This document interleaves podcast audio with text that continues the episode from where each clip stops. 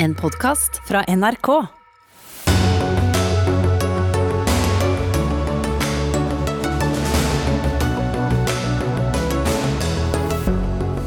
Resultatløst toppmøte mellom utenriksministrene til Russland og Ukraina i dag.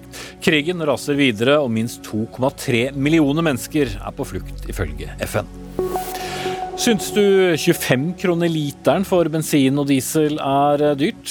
Vel, hold deg fast. Til Dagsnytt 18 kommer analytikeren som sier du kan vente deg opp mot 40 kroner literen til sommeren. Også en rekke andre priser øker. Dermed øker også forventningene til årets lønnsoppgjør, som igjen kan bli møtt med renteøkninger fra Norges Bank. Og Unge Høyre vil ha en norsk pornoindustri som motsvar til all den uetiske pornoen der ute. Men hva løser det egentlig? Dette er eh, aftenens meny i Dagsnytt 18. Jeg heter Espen Aas. Og vi starter med toppmøtet i Tyrkia. Forventningene til toppmøtet mellom utenriksministrene i Russland og Ukraina var lave på forhånd, og slik sett så ble kanskje forventningene også møtt. For det var resultatløst, og ifølge FN er nå 2,3 millioner ukrainere på flukt. Og reporter Åse-Marit Befring, du har fulgt møtet i Antalya i Tyrkia. Hva vet vi om eh, det som skjedde der inne? Altså Det vi vet, er at uh, det, de kom sammen. Uh, de snakket i en og en halv time, og så gikk de fra hverandre. Og de kom med to forskjellige beskrivelser av virkeligheten i Ukraina, der Russland føler seg uh, som en som må inn og, og rydde opp, og der Ukraina altså er den angrepne part, men Russland gir uttrykk for det samme. Dette viste at at de to eh, utenriksministrene de Avstanden mellom dem er veldig stor. Og eh, beklager, jeg må bare legge på her. Eh, avstanden mellom dem er veldig stor, eh, og de klarer heller eh, ikke å finne en felles løsning nå. Men Tyrkias utenriksminister sa etter møtet eh, at han ønsker å gjøre nye forsøk. Mm. Men fikk vi vite noe mer fra de to eh, sidene om, om hvorfor de ønsker dette møtet, eller hva de håpet å få ut av det? Altså, dette er eh, noe som altså Tyrkias eh, president har ønsket å megle mellom Ukraina og Russland eh, lenge. og Dette er eh, noe som han og utenriksministeren har jobbet hardt for. Det har vært mange telefoner mellom partene for å prøve å få til et møte. Tyrkia har en god relasjon til både Ukraina og Russland. De har handelsforbindelser som de ønsker å opprettholde. Og de har forsøkt nå å balansere det og både å støtte støtte eh, Ukrainas eh, suverenitet, men også eh, å kritisere Russland for angrepet på Ukraina. Og slik situasjonen er akkurat nå, så er det et forum her for diplomater. Det var en anledning å legge et møte mellom partene hit nå. President Erdogan skal åpne dette møtet i morgen og så på det som en gyllen mulighet til å kanskje få en løsning på bordet i forkant av et diplomatmøte, der også Jens Stoltenberg skal delta og snakke om Ukraina, så det passet godt inn. Og Tyrkia har jo heller ikke flyforbud mellom Russland og Ukraina og, nei, og Tyrkia, og dermed så var det også mulig å legge et slikt møte hit. Mm. Karsten Friis, seniorforsker hos Norsk utenrikspolitisk institutt, eh, NUPI. Dette er jo tredje møte i løpet av eh, denne konflikten, men nå da på utenriksministernivå.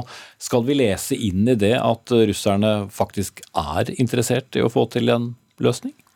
Nei, Jeg tror egentlig ikke det. Eh, selv om eh, det var nok et slags eh, liten innrømmelse fra Lavrov at han faktisk skulle møte med den ukrainske utenriksministeren. De har jo mest ønsket å snakke med USA og sånt før. Men, men innholdet, det, det som kom ut, er jo, er jo mer et slags propagandafremstøt. som vi kan bruke kanskje i, i, i media i, i, Russland, om at vi foreslår fred, og de ukrainerne er vanskelige og, og vil ikke. Mm. Så jeg tror ikke dette er seriøst, nei. Men eh, slik sett så er det ikke så mye for tyrkerne heller å hente her, da, som har lagt en viss prestisje i å, å, kunne avholde møtet? Ja, Det er litt overraskende, at eh, det er jo sånn med sånne, sånne forhandlinger at, at, de må liksom reflektere situasjonen på bakken. Og når den er helt uavklart Det er ikke én part som holder på å vinne, og den andre som, som liksom eh, ber om å, få fred. Det er helt uavklart, og, og, dermed så vil begge parter stå sterkt på sine det de ønsker. Og dermed er det ikke noe særlig rom for kompromiss. Og dette er ikke en sak man kompromiss, kompromisser om, eh, et lands suverenitet. Mm. Kristin Sjøre, professor ved Oslo OsloMet. Eh, den godeste Lavrov har nok en gang avvist at de i hele tatt har angrepet Ukraina. Hvorfor sier han det? Ja, hvorfor han sier det, er et veldig godt spørsmål. Vi ser jo igjen, det ble veldig tydelig i dag, dette møtet mellom eh, Lavrov og Kuleba i Antalya. De to helt forskjellige virkelighetsforståelsene som nå står mot hverandre. Og, og Lavrov sa da han kommer ut av møtet at eh, nei, vi har jo ikke gått til angrep på Ukraina. Um, og Man hadde kanskje ikke så store forventninger om å få noe ut av dette, men allikevel så var jo det var snakk om at man kunne få til en 24 timers våpenhvile, og sånn som situasjonen er nå, så hadde jo det vært viktig. Likevel så er det noe med dette symbolske møtet. Vi hørte at det er første gang man møtes på dette nivået, utenriksministernivået. Og det er klart Når vi tenker på Putin, som da gjentatte ganger har sagt at Ukraina egentlig ikke er et land, at ukrainsk egentlig ikke er et språk, det er bare en russisk dialekt, så er det jo, kan man i hvert fall bruke det som en slags anerkjennelse at nå eh, de to møtes. Aller helst vil jo Zelenskyj møte Putin selv. Han har jo sagt gjentatte ganger som han jo ofte er flink eh, med retorikken, sagt er ikke det at jeg vil møte Putin, jeg må møte Putin. Verdens ledere må møte Putin, det er den eneste måten å få fred på. Mm. Men eh, Karsten Friis eh, Venupi, det vi også fikk ut av dette korte pressemøtet i dag, var jo at eh, utenriksminister Lavrov på vegne av Russland sa at det blir ikke noen atomkrig, og dette spørsmålet har jo på en måte boblet litt under her en stund. Hvis vi skal tolke noe inn i det, han har vel reist dit med klare fullmakter fra president Putin? Ja, ikke sant? Bare det at han sier det, gjør at han egentlig truer med det på, en, på et vis. ikke sant? Det er en elegant måte å, å å, å hinte i den retningen på. Nå er det vel fortsatt eh, de færreste som tror at det er gått så galt i Kreml at de faktisk reelt sett vil bruke kjernevåpen. Men bare det at de truer med det, er jo, er jo, altså, det er jo helt, helt, vilt, for å bruke et like for, lite forskerbegrep. Men, men, det er ikke seriøst, og, og det er uansvarlig. Eh, og, og, og, det er helt ute av proporsjoner med den situasjonen vi er i. Eh, så, så, det er ikke bra i det hele tatt. Nei, Det at han forsikrer om at det ikke skal bli atomkrig, eh, bør man ikke la seg berolige av, rett og slett? Nei, den type språkbruk det bør ikke være et del av vokabularet for en utenriksminister i det hele tatt i en sånn situasjon. Mm. Så er det et stort hjemmepublikum her, eh, En ting er hva som blir da rapportert i, i vestlige medier, men uh, ja, altså russerne har jo tilgang på alternative nyhetskilder uh, også. Så når uh, Lavrov står og sier at de ikke har uh, invadert, og det finnes haugevis av beviser både motsatte, fungerer det? Nå er det jo faktisk slik at russerne har mindre og stadig mindre tilgang på alternative kilder. Og allerede før internettet ble delvis stengt, slik det ble forrige uke, og de nye medielovene trådte i kraft, så var det slik at de aller aller fleste russere fikk det meste av sin informasjon gjennom statsstyrt TV. Og det er jo en veldig regissert versjon av virkeligheten. Vi så jo dette sykehuset for barn som ble bombet i Mariupol. Der er jo også to helt vidt forskjellige eh, virkelighetsbeskrivelser. Og Lavrov sa jo at det sykehuset eh, var kontrollert av ukrainske nasjonalister og allerede tømt for mennesker. Eh, mens vi hører at eh, styresmaktene i, eh, i eh, Mariupol sier at tre ble drept, 17 ble skadet. Og nyhetsbyrået Ap har jo fått ut bilder av, av dette som vi har sett gjentatte ganger i dag, av dette utbombede sykehuset. Så det er igjen to helt forskjellige forståelser, og vi vet jo da at i Russland så får man bare den ene, og noen få får litt innsyn i den andre. Mm. Rett før vi gikk på sending her, kanskje fri, så kom det meldinger da fra Politico om at eh, tidligere forbundskansler Skrøder, som da anses som å være en venn av, av Putin, og også skal inn og mekle med, med, Russland eh, og Ukraina. Men er det fortsatt da å anse som en eh, slags form for god PR for, for Russland, så lenge det snakkes om mekling, så lenge det snakkes om toppmøter? Ja, det er jo det, men samtidig så må vi liksom håpe, da, for eh, Zelenskyj har jo rett, at vi, vi, må jo til slutt snakke sammen. Og det er jo sånn at Russland, eller Putin, har malt seg inn i et hjørne her. Og det er jo ingen De kan jo ikke vinne dette. Altså Selv om de kan vinne militært, så kan de ikke vinne freden. De ikke klare å kontrollere Ukraina etterpå. Så dette blir, dette blir På et eller annet tidspunkt så må Kreml komme ut av det på et vis. Og, og klart, da må jo snakke og forhandle. Eh, om det blir en annen enn Putin til slutt, det vet vi ikke. Men, men noe, noe, må skje i Kreml, eh, og, og, da må man ha en dialog eh, for å få det til. Og er det en ting som er sikkert da, Orchere, så er det at det må spinnes en form for seier uansett fra, fra russernes side? Det må spinnes en form for seier, det må skapes noen fortellinger om seier. Og vi ser jo her på begge sider at nå er det store propagandamaskiner som er i gang. Og propaganda trenger ikke nødvendigvis være noe usant, men man velger ut bilder og broker av virkeligheten som man setter inn i et større bilde, og der er jo Zelenskyj briljant, har vi sett. Og de siste dagene har jeg begynt å legge merke til kona hans også, som eh, kanskje ikke har hørt så mye om, eh, Olena Zelenska og hun er tidligere eh, kommunikator også, og bruker bl.a. Instagram og på sosiale medier til å dele bilder som absolutt går inn i en sånn fortelling om virkeligheten. Mye bilder av sårede barn, døde barn, eh, og med korte, fyndige tekster under. Så her ser vi faktisk et ektepar som har en utrolig stamina i det å stå i informasjonskrigen som pågår parallelt. Mm. Til slutt, eh, Karsten Friis, eh, hvordan leser du bildet for videre nå? Vil det bli stopp i, i, i møtene en stund, og, og krigen osv.?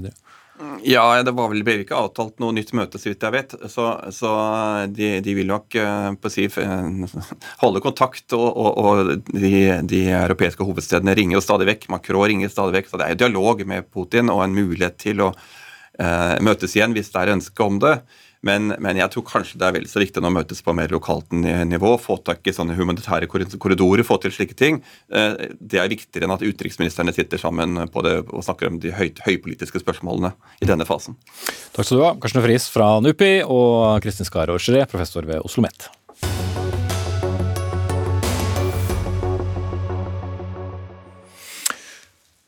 Og det som skjer i Ukraina får eh, som kjent også følger helt andre steder, som eh, her. For uh, har du sett på en bensinpumpe eller en dieselpumpe i det siste, så kan du fort regne deg frem til at en tur på bare noen mil kan fort koste deg flere hundre kroner.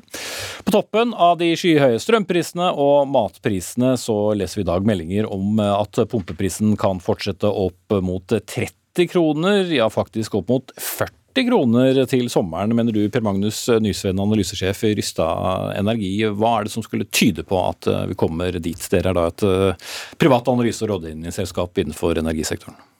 Ja, nei, 30 kroner må vi nesten regne med, slik situasjonen er. Mens eh, i verste tilfelle så må vi kanskje også, hvis ikke da politikere gjør noe, så kan vi risikere å se 40 kroner mot sommeren hvis situasjonen ikke, ikke blir bedre i Ukraina. Og altså Summen i seg selv er jo selvfølgelig høy, men også økningen fra hva pumpeprisen var før jul og til der, er jo eksepsjonell stor. Ja, altså den følger råoljeprisene. Eh, så råoljeprisene de lå eh, før eh, krigen på 80 dollar. Og nå har den jo vært oppe i et lite øyeblikk i 138. Og vi tror at i verste tilfelle så kan råoljeprisen komme over 200 dollar per fat. Og da vil, hvis bensinprisen eh, følger eh, proporsjonalt med råleprisen, så vil vi da se nærmere 40 kroner. Mm. Og hvorfor blir det sånn? Dette er jo et eh, tilbudssjokk i oljemarkedet tilsvarende det som skjedde på, i 73-74 med, med oljekrisen. Eh, da eh, araberlandene holdt tilbake olje for å straffe Vesten eh, i forbindelse med den, den krigen som pågikk der nede i, i Midtøsten da, med Israel og Uh, og, og da, da, da, da, rasjonerte vi jo uh, bensin uh, her, i, her, i, Norge. Og nå er det eneste som kan regulere markedet, er at vi forbruker mindre, og derfor går prisen helt opp til forbrukerne svarer, og setter fra seg bilen. Mm. Det er det som er uh, mekanismen i markedet nå. Så fremstår det jo som et uh, paradoks når vi er en stor produsent av, av nettopp olje, og så ser vi priser som vel bare fantasien ville satt grenser for, hvis vi går bare tilbake til fjoråret.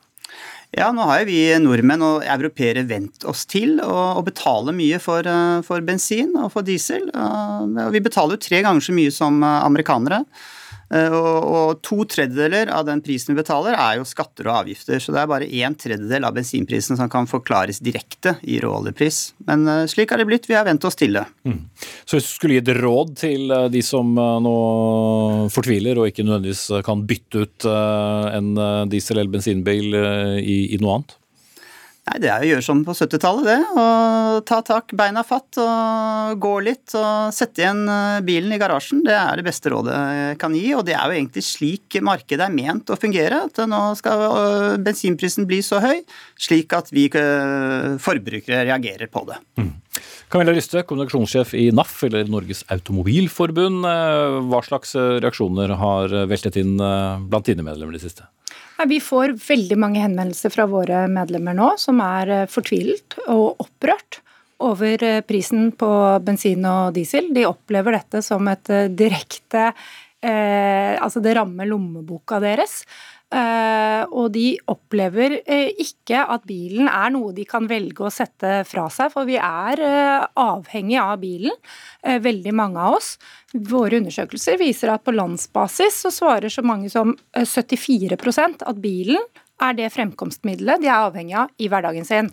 Og hvis vi ser i distriktene, så er det tallet mye høyere. Der er det så mye som 90 80% som sier at det er bilen som skal til for at deres hverdagsreise skal gå, gå i hop. Mm. Så det er ja. ja. Hva vil politikerne skal gjøre? Nei, vi, eh, du, var, du, nevnte to tredjedeler av bensin- og dieselprisen er avgifter. Det er et verktøy som politikerne, har, eh, som politikerne rår over. Så vi mener at nå er det absolutt på sin plass å senke avgiftene som legges på bensin og diesel. Mm. Geir Pollestad, parlamentarisk nestleder fra, fra, Senterpartiet og medlem av finanskomiteen. Jeg erindrer et eh, parti som ikke kunne sitte i regjering hvis pumpeprisen gikk over 20 kroner. Nå kan det altså bli opp mot 40 kroner. Din partileder og finansminister har i dag sagt eh, at uh, dette er sykt dyrt, og at det må tas grep. Hva skal dere gjøre? Og nå er det viktig å si at vi har jo ikke økt avgiftene. Det er jo ikke der Eh, prisauken nå ligger. Det er et marked der priser på en rekke varer eh, stiger. Men jeg er helt enig med NAF at eh, Norge er et land som trenger bilen. Å ha en pumpepris på 25-27 kroner, ja, det er en tier for dyrt. Og derfor så må det tas grep. Men så er det sånn at prisene har steget veldig de siste dagene. Så vi følger nøye med på dette. Og så vil ikke jeg, eh, og kan heller ikke nå sitte her og love at vi skal ta, ta, ta grep, men, eh, og tid det i så fall vil skje. Men eh, i regjeringsplattformen så står det jo at vi ønsker å redusere avgiftene på eh, bilbruk, nettopp fordi vi mener Norge er et land som trenger bilen. Og så tror jeg for folk er det veldig vanskelig den kombinasjonen at ikke bare om mat, strøm og drivstoff som blir dyrere, om byggevarer blir dyrere alt som en kjøper, blir i utgangspunktet dyrere. Vi holder oss til eh, bensin eh, og diesel. Eh, dere sier at det må tas grep, men vil ikke si hva slags grep? No, altså Det som er det opplagte grepet, vil jo være avgiftene. Og så har en jo at en kan framskynde arbeidet med å redusere ferjetakstene, innføre gratis ferje og også se på pendlerfradrag. Så det er mange menyen av hva en kan gjøre for å få ned kostnadene med å reise den er ganske stor. For Det, men den, det som er viktig å si, er at den situasjonen som er i nå, eh, den er uh, uholdbar når uh, en liter bensin koster 27 kroner. Mm. Arild Hermstad, nestleder i Miljøpartiet De Grønne. Er det en gledens tid vi er inne i for ditt parti med så høye bensinpriser? Dere har jo lenge ment at bensinprisene bør bli høye. Dette er på ingen måte noe gledens dager.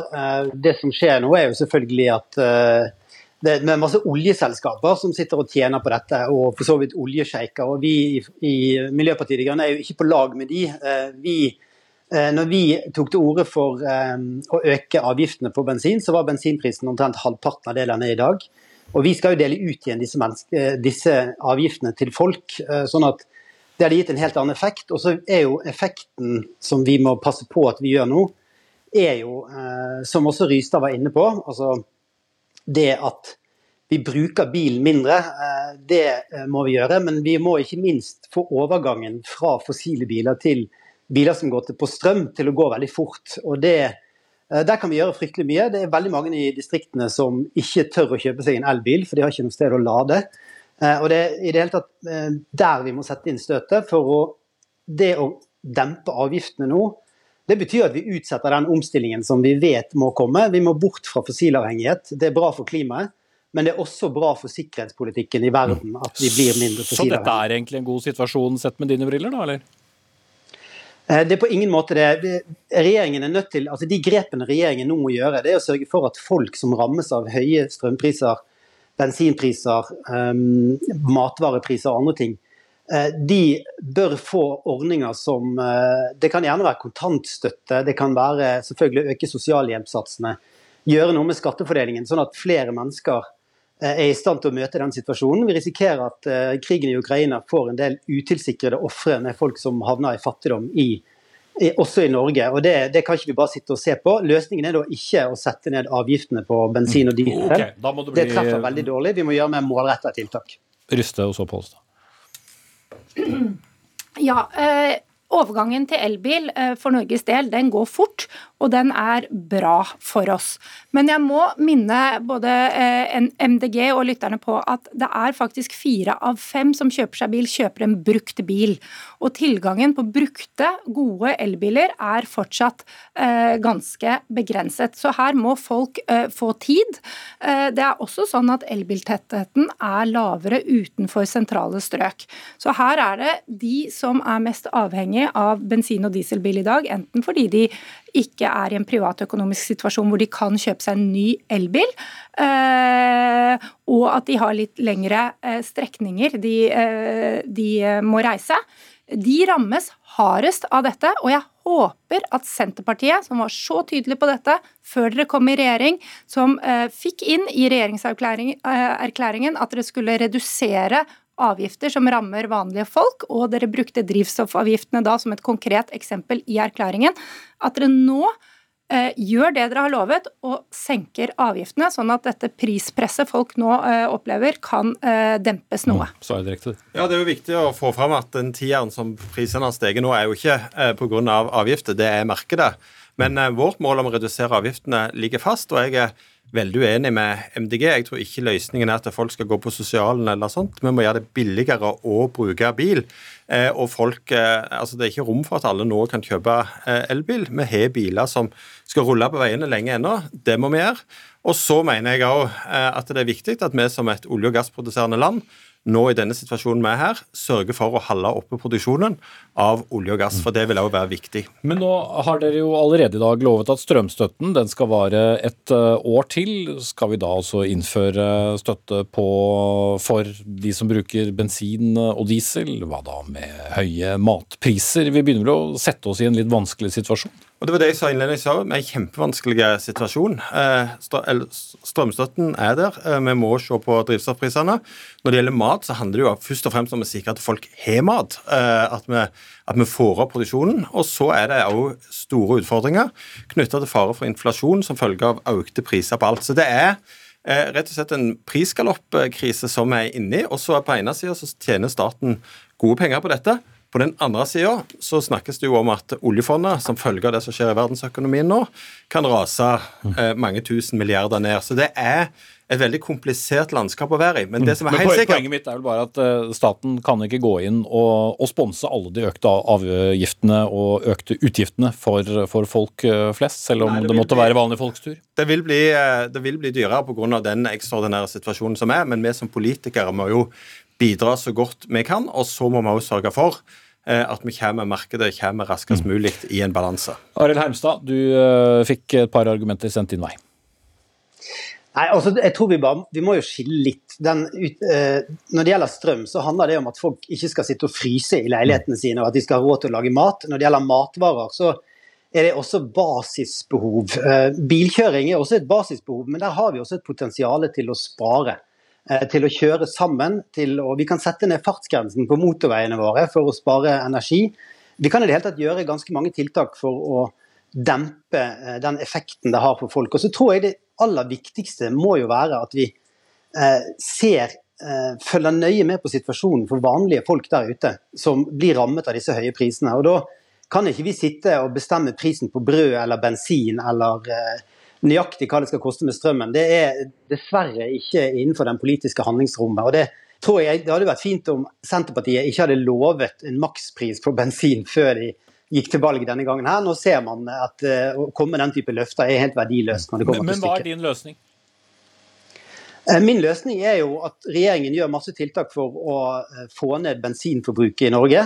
Både på kort sikt med holdningskampanjer og den type ting. Og så må vi altså sørge for at vi eh, gir skattelette til de som har minst, at vi gir sosialhjelpssatsene til de som er avhengig av det, går opp, og at vi også følger med om vi skal gi kontantstøtte til eh, befolkningen generelt hvis dyrtiden blir så mye. Så MDG er også åpne eh, for å indirekte da sponse de høye diesel- og bensinprisene? da? Ja, definitivt. Det er mye smartere å gjøre det på den måten, for da får du den effekten at vi både bruker mindre bensin og diesel, samtidig som de som blir rammet hardt av eh, høye priser, får en kontantoverføring som gjør at de er i stand til å takle den, okay. Eh, den hverdagen. Pollestad også ville ha inn Rysta Energy også. Ja, jeg tror bare vi må erkjenne at eh, priser på opp mot 30 kroner, det kan vi ikke ha. Da må vi iverksette tiltak. Når da? Eh, og, og eh, vi eh, sa før valgkampen at, og, og, i valgkampen at vi, det ikke var aktuelt å øke avgiftene sånn at prisene kom over 20 øre. Eh, det er markedet som har dratt over, og nå må vi se hva tiltak eh, kan vi gjøre. Og det, det, det er eh, ikke for et land som Norge, der folk trenger bilen. Der nytter det ikke for folk i Sogn og Fjordane at vi setter ned fartsgrensene på motorveiene. Det er det ingen nytte i. Veldig mange i Norge trenger bilen i hverdagen, og da må vi gjøre den kostnaden okay. overkommelig. Nysven. Dette er jo en helt eksepsjonell situasjon, og man må gjøre noe med, med, roten til problemet. og Det er altså at eh, vi må bare på kort sikt bruke mindre olje og bensin i hele verden. og Da må Norge også bidra, så vi må, vi må regne med å ha litt høyere drivstoffpriser, slik at vi faktisk får ned eh, forbruket. Så man bør ikke senke avgiftene? da? Jo, man må, man må, hjelpe til eh, for å få den under 30, kanskje. Men eh, det er, det, er, det er, eh, viktigst at vi nå reduserer forbruket av olje på kort sikt, slik at dette markedet kan balansere seg. Mm.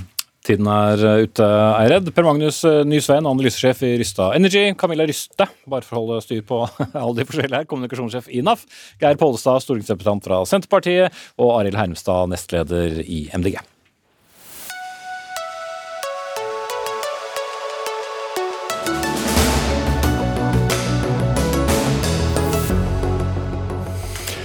Senere i Dagsnytt 18 ville en norskprodusert såkalt etisk pornografi gitt en god motvekt til alt som finnes der ute på internett. Det blir debatt mellom pornoivrig Unge Høyre og svært pornoskeptisk Sosialistisk Ungdom mot slutten av sendingen. Nå et langt mer alvorstynget tema. For som vi har vært innom tidligere i Dagsnytt 18, er mer enn 2,3 millioner mennesker på flukt fra Ukraina.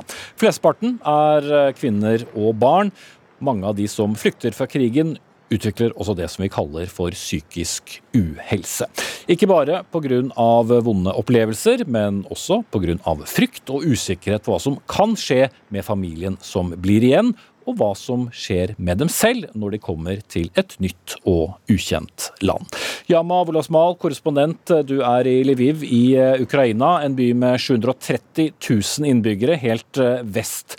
På jernbanestasjonen i den byen har det vært stappfullt av folk i mange dager nå. Hva slags inntrykk får du av tilstanden til de som må forlate alt de kjenner? Altså Fysisk ser disse menneskene friske og fine ut. Mange av dem er svært lettet over at de har kommet seg ut av krigshelvete lenger øst i landet og kommet seg i trygghet her i fredelige Lviv. Men hva slags psykiske arr og sår disse menneskene har, er det ingen som vet. Dette er mennesker som har levd med dødsfrykt i mange dager, med flysirener, med konstant bombing, granatnedslag, skuddvekslinger med en dødsfrykt eh, vi knapt kan kjenne på. Eh, og nå i tillegg har de blitt eh, røsket ut av sitt, sine trygge hjem. De aller fleste har måttet forlate fedre og ektemenn. Så dette er sterkt traumatiserte mennesker som kommer til Lviv. Mm. De som følger oss på, på TV, Yama, ser også noen bilder av en del av den hjelpen som kommer da inn til bl.a. Uh, Lviv, der hvor du er. Men, men hva består denne uh, hjelpen av til de som har, har flyktet uh, vestover, og som snart kanskje får en billett ut av landet?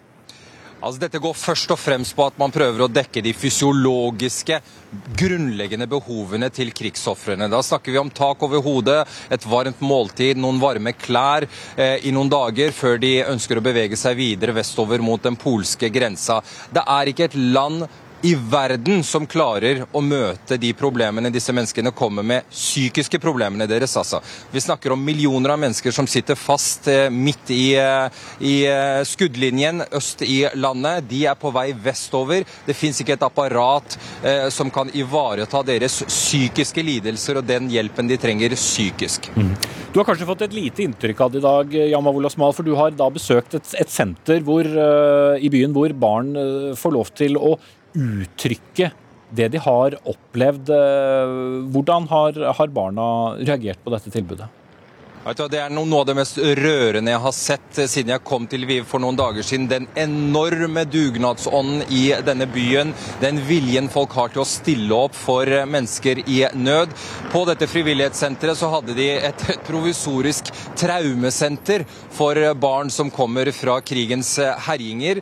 Jeg snakket med de som drev dette senteret, og de sier at barna har vanskeligheter for å snakke om de vonde opplevelsene, de vonde minnene fra krigen. Det de gjør, er at de velger å tegne og male isteden å uttrykke seg på den måten.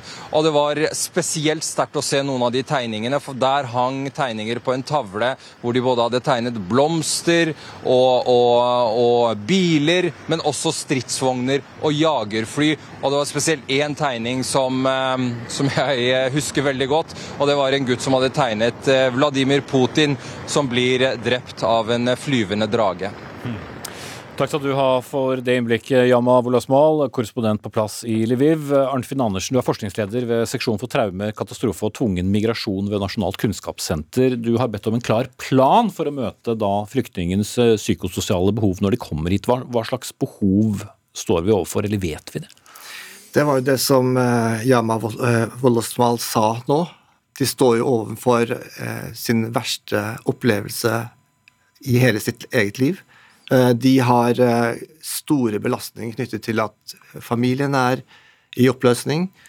Eh, de har konsentrasjonsvansker, søvnvansker, mange av de vanlige reaksjonene som da barn kan få, og også voksne, etter disse fryktelige hendelsene som har vært. Mm. Men, men, hva slags apparat er det da som trengs for å møte det? For nå, nå kommer flyktninger til store og små kommuner. Ja.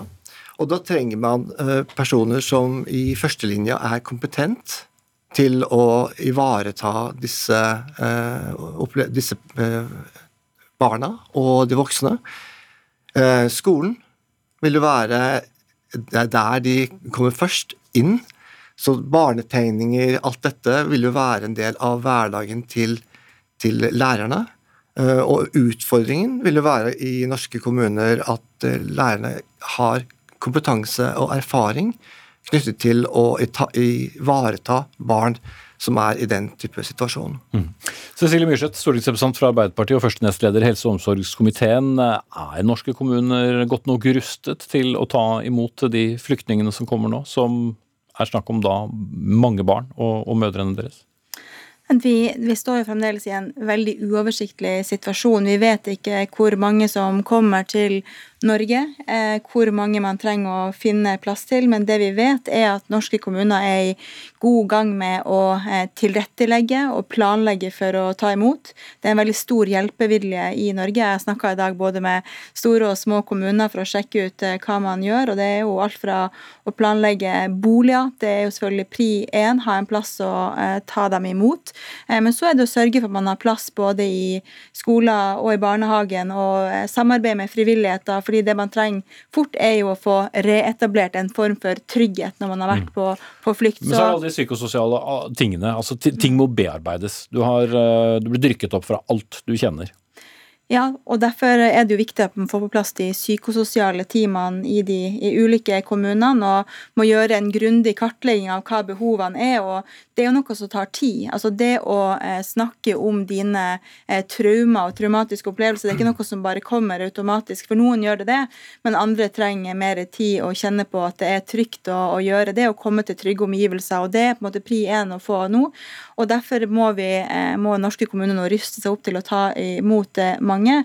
Eh, og så må man fra norske myndigheter sørge for at man har de verktøyene mm. Eh, som trengs, og ikke minst veiledere for hvordan man skal ta imot de veldig sårbare menneskene som kommer fra en eh, utrolig hektisk og kaotisk Andersen, situasjon. i motsetning til da takk over hodet, ulltepper, mat, så kan jo ikke en kommune gå heller og bare plukke ut de riktige fagfolkene som skal møte disse barna. Så hvis du skulle gitt et råd til, til regjeringen her? Nei, altså Det er helt riktig. Og veldig mye av det som skjer med bosetting, eh, det å få personer inn i skolen, er psykososiale tiltak. Eh, og er en stabiliserende tiltak for denne gruppa. Men det er også eh, en utfordring for de som måtte stå i førstelinja, og ikke nødvendigvis ha den erfaringen med å møte elever som står i mange vanskelige situasjoner med hvor bekymringen for far eh, er veldig høy. Konsentrasjonen er lav. Eh, ønsket om å prestere er, er, er til stede, men allikevel får det ikke til. Slik at det er et, et, kompetansebehov som måtte ligge der, og det er en utfordring for, denne, for dette mottaket av, av, flyktninger, er at man har store populasjoner som kommer, så bygger man ned kompetansen.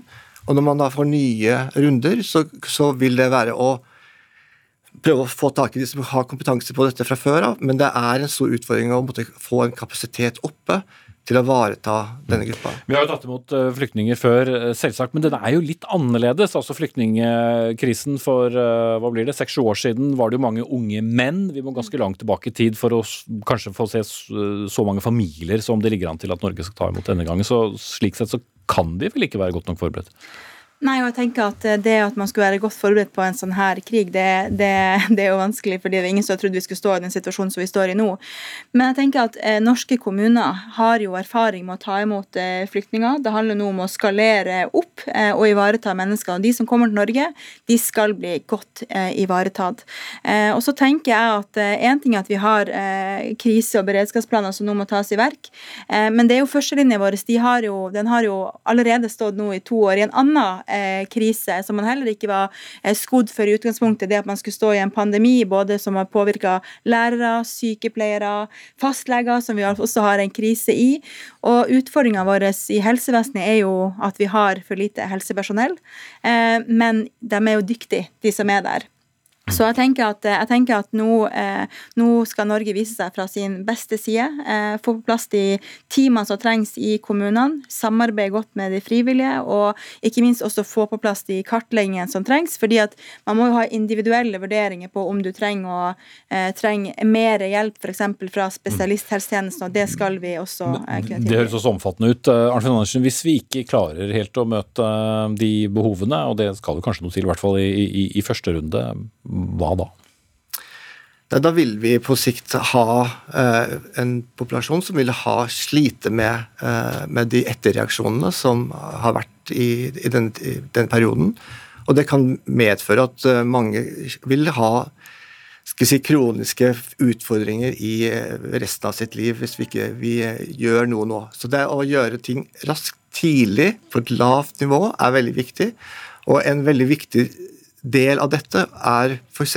å kunne kartlegge de som kommer til landet, eh, slik at man ser hvilke type behov de har, eh, hvilke type eh, opplevelser de har vært igjennom, og hva vi kan bidra til å, å, gi dem hjelp til når det kommer til kommunene. Mm.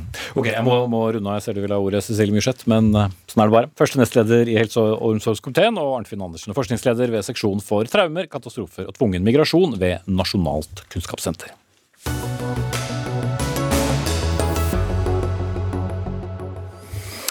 Ja, Vi har uh, tidligere i sendingen snakket mye om uh, galopperende drivstoffpriser. Skal ikke folk få dårligere råd gjennom dette året, ja så må årets lønnstillegg i hovedoppgjøret komme iallfall over 3,3 For i dag uh, leverte det som heter Teknisk beregningsutvalg anslag på hvor mye prisene kommer til å stige i år. Og det ble et kraftig hopp i forhold til det som ble presentert for bare noen uker siden. Geir Akselsen, til vanlig direktør i Statistisk sentralbyrå, men du leder da dette tekniske beregningsutvalget for inntektsoppgjøret, som vi kaller TBU. Hvis ikke så har vi snart ikke tid igjen i, i sendingen. Men hva er det som gjør at dere måtte oppjustere prisveksten så kraftig? Bommet dere i første runde? Det er rett og slett at eh, det har oppstått en helt ny situasjon i Europa med krigen i Ukraina som selvfølgelig har store konsekvenser for de som er berørt av krigen, men den har også veldig store konsekvenser for hele økonomien. Eh, og helt konkret eh, konsekvenser for de markedene som er med å påvirke prisene her i landet. F.eks. oljepriser, gasspriser, strømpriser osv. Mm. Uh, og For de som følger med på, på pengepolitikk, vet jo at uh, det gjennom mange år har vært et inflasjonsmål på enten 2% eller 2,5% Og så får vi dette kraftige hoppet her da nå foreløpig på, på 3,3, og jeg vet ikke hvor sikkert det alene er. men hvis du skal forklare litt, hva slags inntrykk eller avtrykk snarere gjør det på økonomien når, når prisene øker så raskt? Det er veldig vanskelig for meg nå å være kategorisk knyttet til dette. For for det første, våre anslag er høyst usikre. Det er, en, det er bare litt over en uke siden invasjonen i Ukraina skjedde. Mm, eller to, ja. Eh, ja, og det, og det er eh, Begivenhetene utvikler seg raskt, og sanksjonene kan endre seg. og eh, så det er en lang rekke spørsmål som, som, vi ikke har svar på. og Ingen kan spå eksakt om hva framtiden vil bringe. Vi peker jo selv på de viktigste usikkerhetene, og de viktigste usikkerhetene knytter seg jo til både oljepris. Eh, matvarepriser er en veldig viktig faktor. Hvordan vil matvareprisene øke, og hvordan vil det påvirke norske matvarepriser? Eh, og så har vi myndighetenes ulike tiltak. Eh, vi har rent teknisk lagt til grunn at f.eks. strømstøtten til husholdningene og den lave satsen i elavgiften at det vil bli videreført ut året. Men dette gjenstår jo å se. om Stortinget... Ja, Nå har du lovet, i hvert fall regjeringen, da, så hvis de får flertall for det, så skjer jo i hvert fall det. Men hele poenget med det arbeidet som du leder, er jo at dette legger jo et slags eh, da, premiss for lønnsoppgjøret. Og økt kjøpekraft vil eh, alle ha. Eh, og dermed jo høyere inflasjon, jo høyere forventninger da om, om, om tilleggene i, i lønnsoppgjøret. Men da risikerer vi også å få veldig høye lønnstillegg i bransjer som normalt sett ikke ville fått et så høyt lønnstillegg. Det har du rett i, eh, men min jobb her nå er jo ikke å spekulere i konsekvensene av de tallene vi legger fram. Eh, det er eh, en Nei, men Du kan bekrefte at det vil jo være det som skjer, så lenge forventningen er økt kjøpekraft fra, fra alle som nå er inne i et lønnsoppgjør? Det er i hvert fall ikke en usannsynlig hypotese. Og så er det sånn at partene, det er opp til partene nå å forholde seg til disse tallene og vurdere hva som er riktig, både for industrien, næringslivet og for lønnstakerne. Og så er det opp til de å finne en balanse som, som er forsvarlig for begge. Mm. Elisabeth Holvik, sjeføkonom i Sparebank1-gruppen. Eh, her ser vi 3,3% priser. Det kan bli enda høyere hvis krigen eh, trekker ut. Hvis vi får eh, da et lønnsoppgjør som skal ligge et stykke over det igjen, hvilke konsekvenser kan det få? Ja, Problemet er at dette er jo et tilbudssidesjokk. Det er en krig. Vi må tenke nytt om både egenproduksjon og sikkerhet og energitrygghet i Europa. Så det er et sjokk på tilbudssiden. Vi får ikke nok vare fram. Og da er det, selv om alle selvfølgelig har lyst på høyere lønn, så er ikke det det som eh, på en måte løser det underliggende problemet. Det vi trenger, eh, det er jo å øke produksjonen av mat, av egen produksjon, så vi får eh, tilgang til vare i Europa. Så jeg tror er det en tid vi skal tørre å tenke litt nytt, så er det nå. Det er altfor mange paralleller tilbake til 80-tallet. Da gjorde vi akkurat det samme. Eh, vi bare bortforklarte ethvert prisøkning med at det var bare tilfeldig, det var spesielt, det var barkebiller, det var eh, Men til slutt så satt en igjen med å renske bort så mye ting at en satt igjen med 30 av eh, vare, varene. Og selv de økte i pris, og da innrømte en jo dette er et strukturelt problem på tilbudssida. Mm. Og da hjelper det ikke Og Den andre utfordringen er jo at hvis vi som samfunn skal bruke veldig mye penger på å øke lønningene til veldig mange, så har vi mindre penger å investere i det som kan løfte produktiviteten og løfte produksjonskapasiteten og sikre energitrygghet i Norge. Det har jo vært en gedigen underinvestering i energi, i egenproduksjon, i forsvar etc. Mm. Eh, så, så dette er eh, Ja, det er mm. klart eh, en vil ha høyere lønn, men kanskje skal vi tenke ta et skritt tilbake og tenke litt nytt. Mm. Så det at, uh, Nå startet jo industrioppgjøret i går, da, og denne forventningen om, uh, om, økt kjøpekraft er kanskje ikke så lur, er det det du sier? At du kan, de kan gi ris til egen bak uh, på sikt? Ja, fordi hvis du har over tid mye høyere lønnsvekst enn produktivitetsvekst, så svekker en konkurransekraften. Og det har en sett over tid i Norge at en har svekka konkurransekraften. Vi har lavere produktivitetsvekst enn våre handelspartnere. Og Det er jo en grunn til at krona har svekka seg. Så en har på en måte devaluert seg ut av et kostnadsproblem.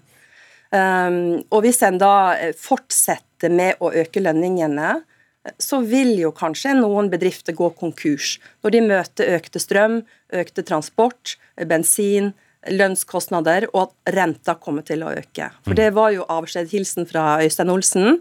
Blir det høye tillegg, så blir det mer renteøkning enn det som ligger i banen. Mm, det var faktisk jeg tenkte å spørre deg om, Sindre Heyerdahl, eh, kommentator i E24. For det er jo det vi også er vant til. Blir inflasjonen for høy eller for lav, så kommer Norges eh, Bank eh, inn. Og får vi et ja, i hermetegn dyrt lønnsoppgjør, så kommer også Norges Bank inn. Så det ser jo ikke godt ut uansett, dette.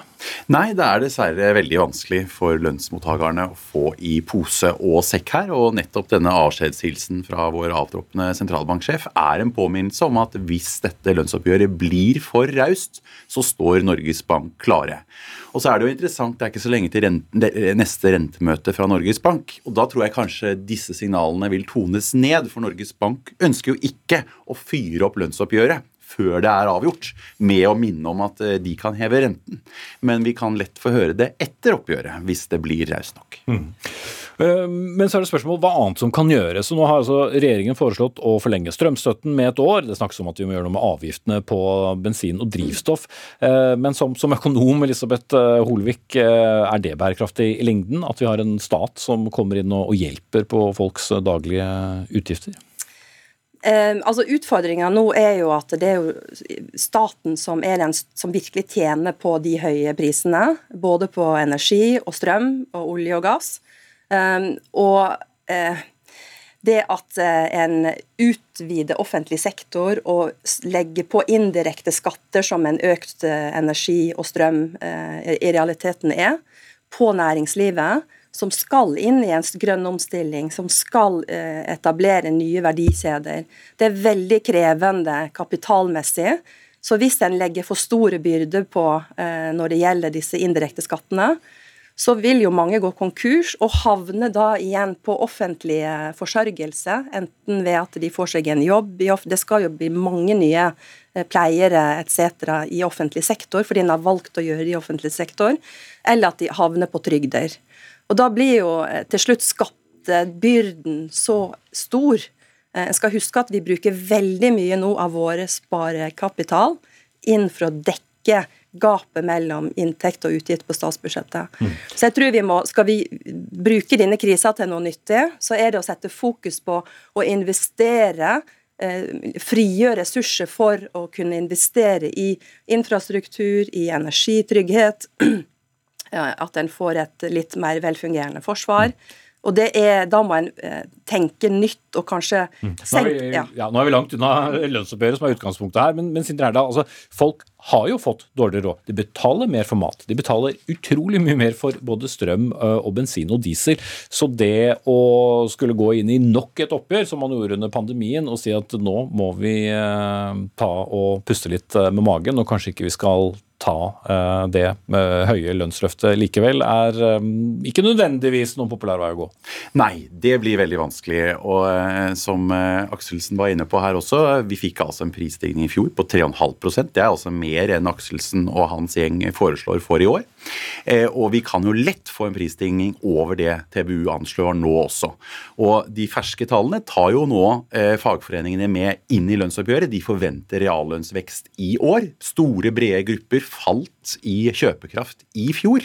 Og der kommer det til å være mange som står på kravene når det meste av det vi omgås av varer og tjenester rundt oss, stiger i pris. Og når utsiktene da på bl.a. mat er at det kan stige mye mer enn det vi har sett uh, hittil. Mm. Og Én ting er jo da konkurranseutsatt industri, som du har vært veldig opptatt av, Lisbeth Holvik, men så har vi en stor offentlig sektor. Senest i går, i den samme stolen som du sitter nå, satt Sykepleierforbundet og sa at de forventet faktisk å få mer enn det man får i industrien. Lærerne har sagt uh, det samme.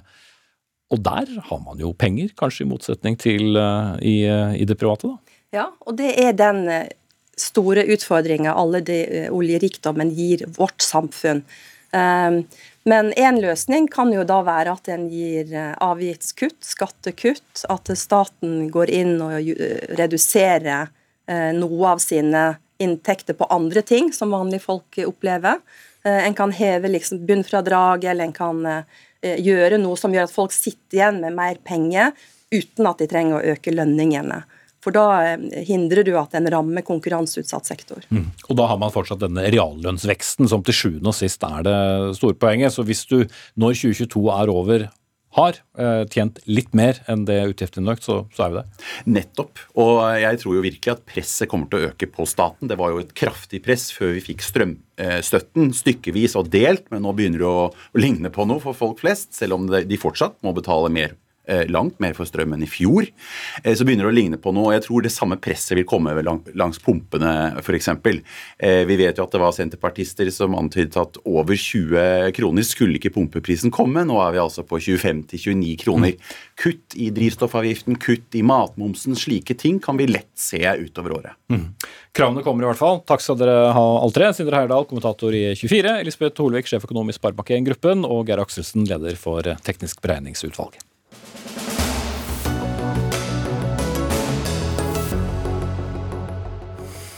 Kan dere legge bort alt som eh, handler om tall og, og TBU, for nå skal vi ha et solid temaskifte. For Unge Høyre slår et slag for eh, pornoindustrien. Ja, Ungdomspartiet går nå inn for å fjerne straffene for å lage og distribuere pornografi i Norge, og det åpner opp for en norsk industri, det.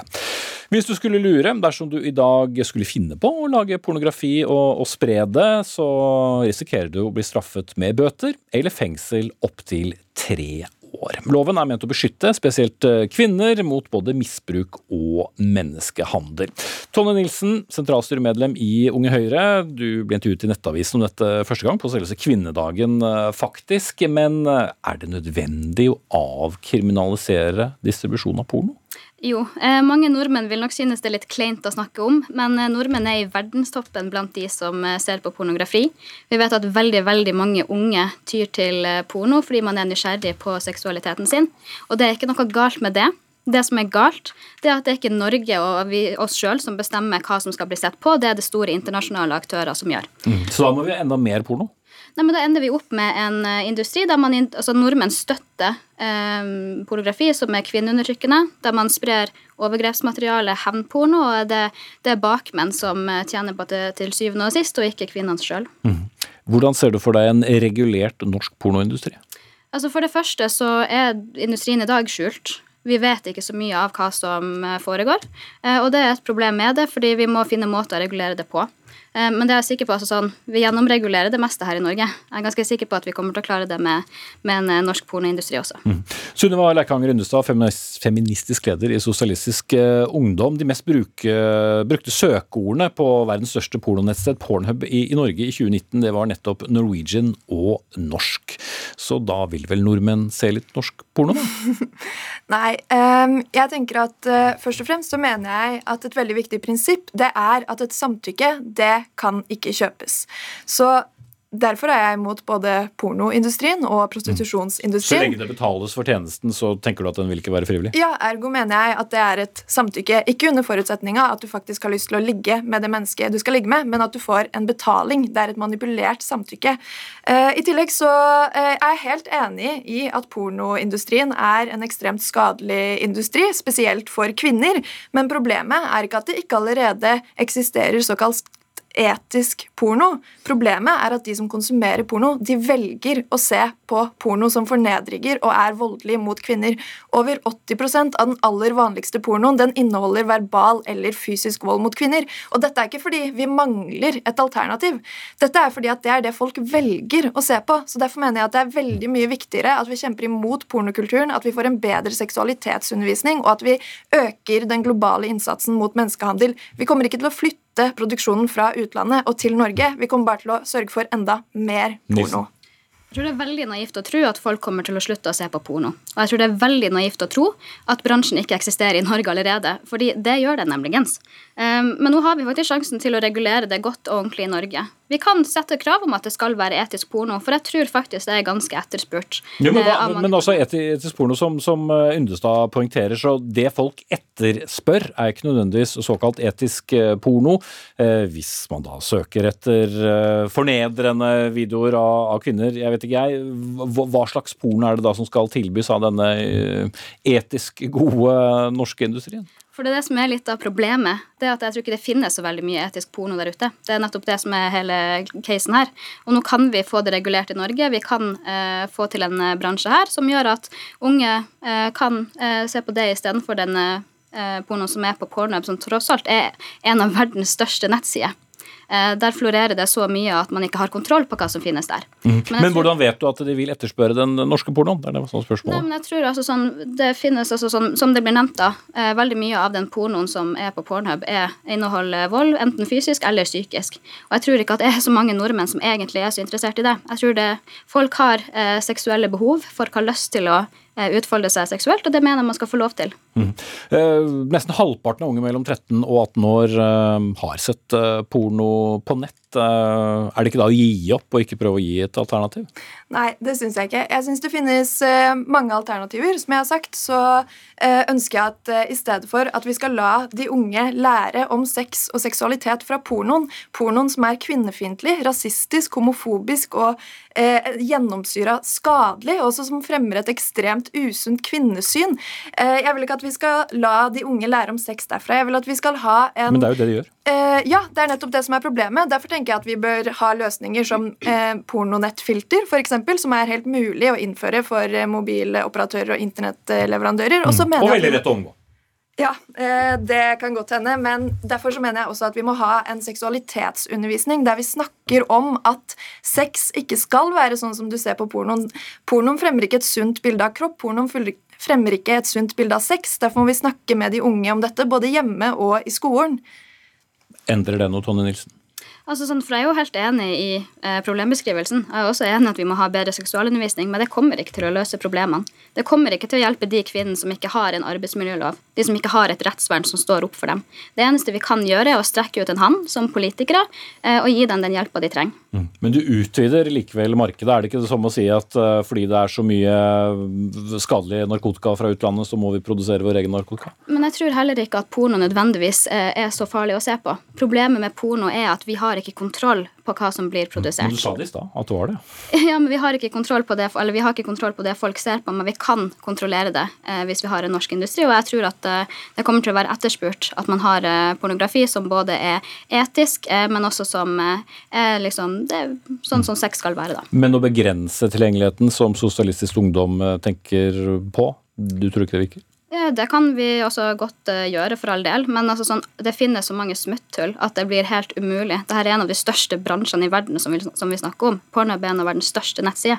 Det blir helt umulig eh, å finne et eh, godt nok dekkende lovverk som gjør at man forbyr porno i praksis. Og det tror jeg også er en dum idé. Yndestad til slutt. Ja, jeg synes Det er utrolig viktig at vi husker på at det alltid er de med minst ressurser som blir tvunget til å selge kroppen sin. Og det er ikke sånn at det ikke finnes fattige kvinner i Norge som ikke kommer til å bli pressa inn i en norsk pornoindustri dersom det eh, blir et faktum. Kan noen også velge det?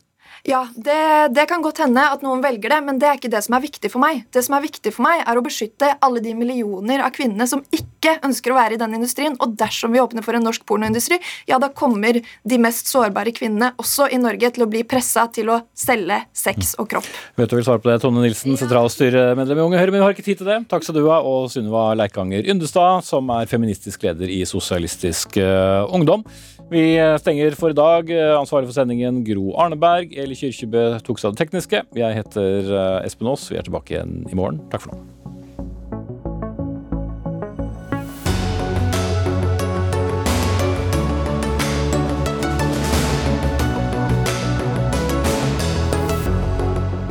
Du har hørt en podkast fra NRK. Hør flere podkaster og din NRK-kanal i appen NRK Radio.